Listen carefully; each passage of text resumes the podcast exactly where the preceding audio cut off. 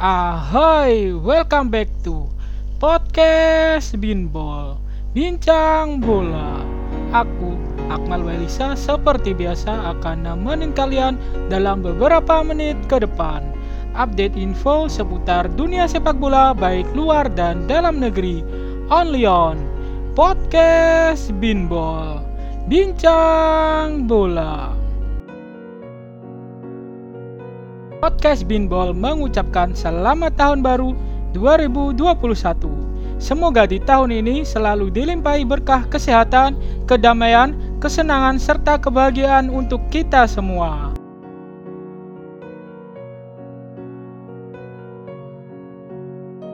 Pada episode kali ini, Binbol akan membincangkan mengenai kaleidoskop Liga Indonesia 2020. Siapa sangka tahun 2020 harus dilewati dengan duka. Pasalnya, seluruh aspek harus terhenti akibat pandemi COVID-19 yang melanda seluruh dunia, tak terkecuali di Indonesia. Kegiatan olahraga seakan mati suri. Beragam kejuaraan atau turnamen yang seyogianya diselenggarakan pada 2020 harus diundur dan tak sedikit berujung pembatalan. Tak terhitung lagi berapa jadwal kompetisi olahraga yang telah diundur atau ditunda akibat pandemi global virus corona. Tak terkecuali sepak bola yang menyiratkan bahwa kekosongan menyadarkan kita betapa mendambanya keriaan olahraga. Demikian halnya dengan Liga 1 Indonesia. Setelah mengalami fase-fase pelik soal kapan kompetisi akan dimulai, perdebatan jadwal yang padat, serta kesibukan menyambut Piala Dunia U19 yang mana kita adalah tuan rumahnya, mewarnai awal 2020. Setelah melewati proses yang panjang dan rumit, PSSI dan PT Liga Indonesia baru selaku operator memutuskan kompetisi Liga Indonesia dimulai pada 29 Februari 2020 atau dimajukan dari rencana yakni pertengahan Maret. Tentu kepastian ini disambut sukacita oleh para penggemar sepak bola Indonesia karena yang mereka inginkan adalah bernyanyi bersama menyemangati para pemain di medan perang sembari menyambut kepulangan dengan rasa bangga. Tendangan bola dari Menpora Zainuddin Amali mengawali pembukaan kick-off perdana Liga 1 antara Persebaya Surabaya melawan Persik Kediri. Seusai laga, Menpora menyatakan rasa optimismenya bahwa kompetisi akan berjalan lancar, kompetitif, dan tentunya terhindar dari praktik suap yang kerap menyelimuti sepak bola tercinta kita. Namun, gegap gempita berlangsungnya sepak bola Indonesia hanya bertahan tiga pekan saja sebelum federasi memutuskan menunda akibat sebaran pandemi COVID-19. Pertandingan antara Persib Bandung melawan PSS Sleman pada Minggu 15 Maret 2020 menjadi awal penundaan tersebut. Dalam laga itu, Maung Bandung menang 2-1. Penundaan itu mendapat satu suara baik dari pemain, pelatih, asosiasi, hingga pemerintah bahwa Liga 1 mesti ditangguhkan demi menjaga keselamatan serta mendukung upaya dalam memutus rantai penularan. Saat itu, Persib Bandung yang tampil konsisten menjadi pemuncak klasemen sementara dengan raihan sempurna 9 poin. Disusul Bali United 7 poin, Borneo FC 6 poin. Namun, yang menjadi perhatian bukan berasal dari klub-klub besar, Persiraja Banda Aceh yang kembali mengawali petualangannya di kompetisi tertinggi di Indonesia tampil mengejutkan. Meski berada di posisi ketujuh dengan raihan 5 poin, namun mereka mampu menjawab keraguan dari publik sendiri.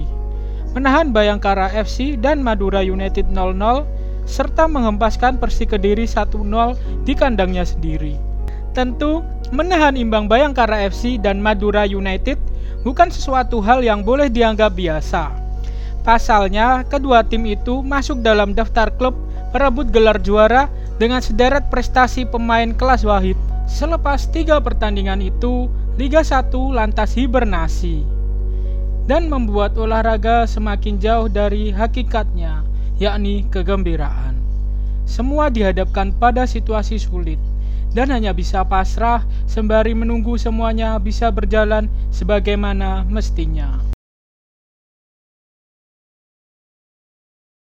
Setelah PSSI mengadakan pertemuan dengan klub-klub Liga 1 dan Liga 2, Asosiasi Pesepak Bola Profesional Indonesia, serta Asosiasi Pelatih Sepak Bola Seluruh Indonesia pada 2 Juni untuk menentukan nasib kompetisi. Beberapa pihak sepakat agar kompetisi tetap dilanjutkan setidaknya pada tahun ini. Sementara pihak lain seperti Persebaya Surabaya, Barito Putra, Persi Kediri, Persita Tangerang, dan Persipura Jayapura sempat menolak kompetisi digelar. Lima tim tersebut beralasan bahwa sangat riskan menggelar kompetisi di tengah pandemi yang belum terkendali. Meski tanpa penonton, tapi tak ada yang menjamin bahwa pendukung tak datang ke stadion. PSSI dan PT LIB kemudian meyakinkan bahwa semuanya telah terencana dengan matang. PSSI beralasan kelanjutan liga demi timnas Indonesia yang akan berlaga pada Piala Dunia U20. Sejumlah klub yang menolak kemudian luluh dan menyatakan ikut dalam kompetisi. Namun, Persebaya kekeh menolak. Meski begitu, PSSI tetap pada pendiriannya menggelar kompetisi dan mengeluarkan surat keputusan bahwa liga dijadwalkan akan kembali digelar pada 1 Oktober. Seluruh jadwal pertandingan telah disusun dan diberikan kepada masing-masing kontestan liga. Kompetisi pun hanya dipusatkan di Pulau Jawa, yakni di sekitar Yogyakarta. Hal ini diyakini bakal meminimalisir dari terpaparnya virus mematikan tersebut.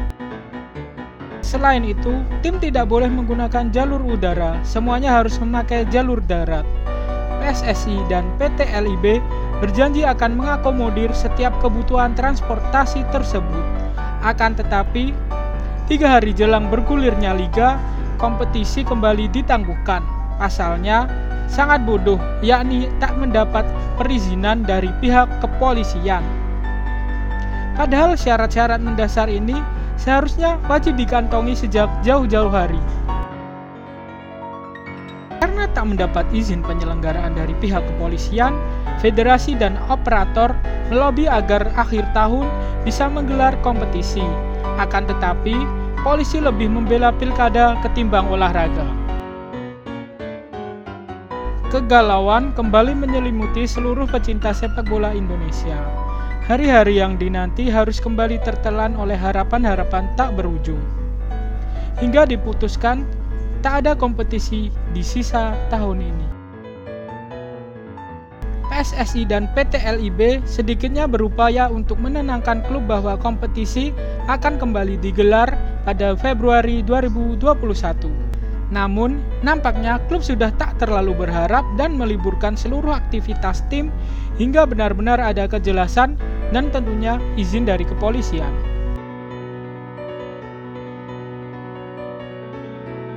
Ketidakjelasan kompetisi membuat para pemain terutama pemain asing memilih hengkang. Berbagai alasan yang menandai pemain itu pergi yakni takut terinfeksi COVID-19, adanya aturan lockdown di negara mereka, hingga tak sepakat dengan gaji yang direvisi hingga 75%. Petteri Penanen menjadi pemain asing pertama yang hengkang dari Tira Persikabo. Pemain asal Finlandia itu tak ingin kembali ke Indonesia dan bergabung dengan tim profesional pertamanya yakni Kups. Lama kemudian, Rafael Oliveira juga pamit dari klubnya Persela Lamongan. Penyerang asal Brasil itu tidak sepakat kontraknya direvisi oleh manajemen sesuai dengan keputusan PSSI dan PT LIB. Begitupun dengan Arema FC yang harus kehilangan Jonathan Bauman serta Oh In Kyun. Nama Oh In Kyun kemudian memutuskan untuk gantung sepatu setelah satu dekade berkelana dari satu klub ke klub lainnya di Liga Indonesia. Selain Bauman dan Oh In Kyun, Arema juga kehilangan alias Alderete serta Matias Malvino. Berikutnya Persebaya Surabaya ditinggal oleh David da Silva dan Makan Konate. Persipura Jayapura, Silvano Convalius, dan Arthur Cunha. Bayangkara FC kehilangan Harvey Guy. Bali United, Paulo Sergio, Tira Persikabo ditinggal Peteri Penanen, Artyom Filiposian, PSM Makassar, Hussein Eldor, Giancarlo Rodriguez, serta Sheriff Hasic. Borneo FC ditinggal Francisco Torres, Madura United Emmanuel Oti Esigba, Persela Lamongan Rafael Gomez di Oliveira, Persita Tangerang Mateo Bustos dan Eldar Hasanovic, Barito Putra, Yasir Pinto, Persiraja Banda Aceh Adam Mitter, Vanderlei Francisco, Bruno Dibal, dan Samir Ayas, Persi Kediri, Nikola Aseric, Ante Bakmas, Gaspar Vega, dan Jefferson Alves Oliveira.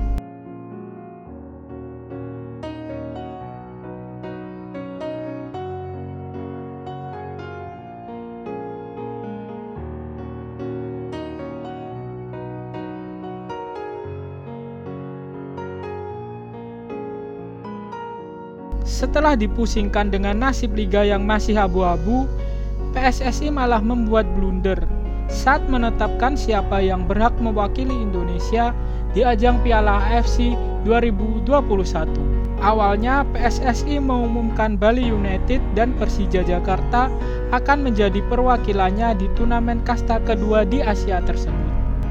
Penunjukan Persija inilah yang kemudian menjadi polemik. PSSI beralasan bahwa PSM Makassar yang seharusnya mendampingi Bali United karena juara Piala Indonesia 2018 tak lolos verifikasi klub profesional AFC dengan syarat mengikuti turnamen tersebut.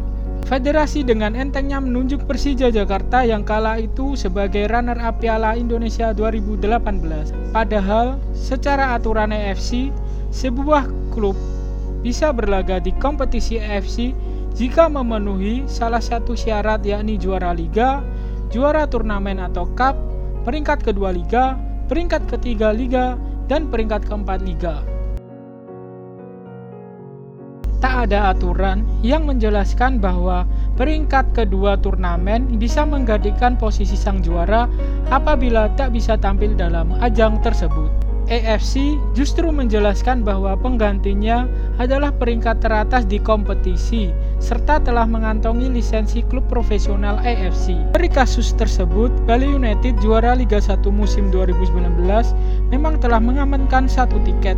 Sementara satu perwakilan lainnya, PSM Makassar, juara Piala Indonesia 2018 terganjal lisensi sehingga otomatis gugur. Berdasarkan peringkat Liga 1 musim 2019, di bawah Bali berturut-turut ada Persebaya, Persipura, Bayangkara, dan Persibandung.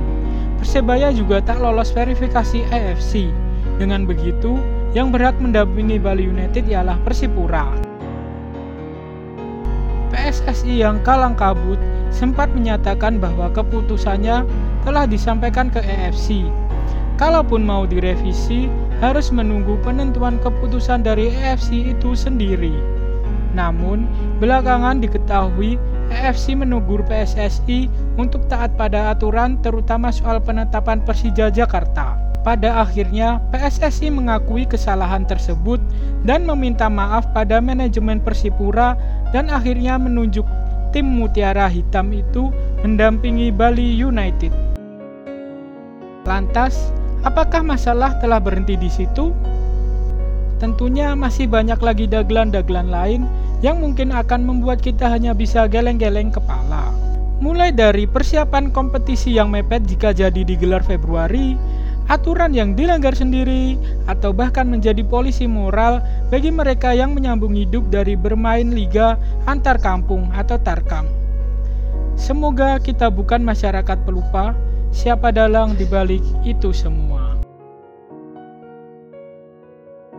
Demikianlah info yang dapat Binbol bincangkan pada episode kali ini. Jangan lupa share ke teman-teman kalian yang ingin update info seputar dunia sepak bola baik luar dan dalam negeri. Only on Podcast Binbol. Bincang bola. Akmal Welisa out. Have a great day, stay healthy, and Ciao.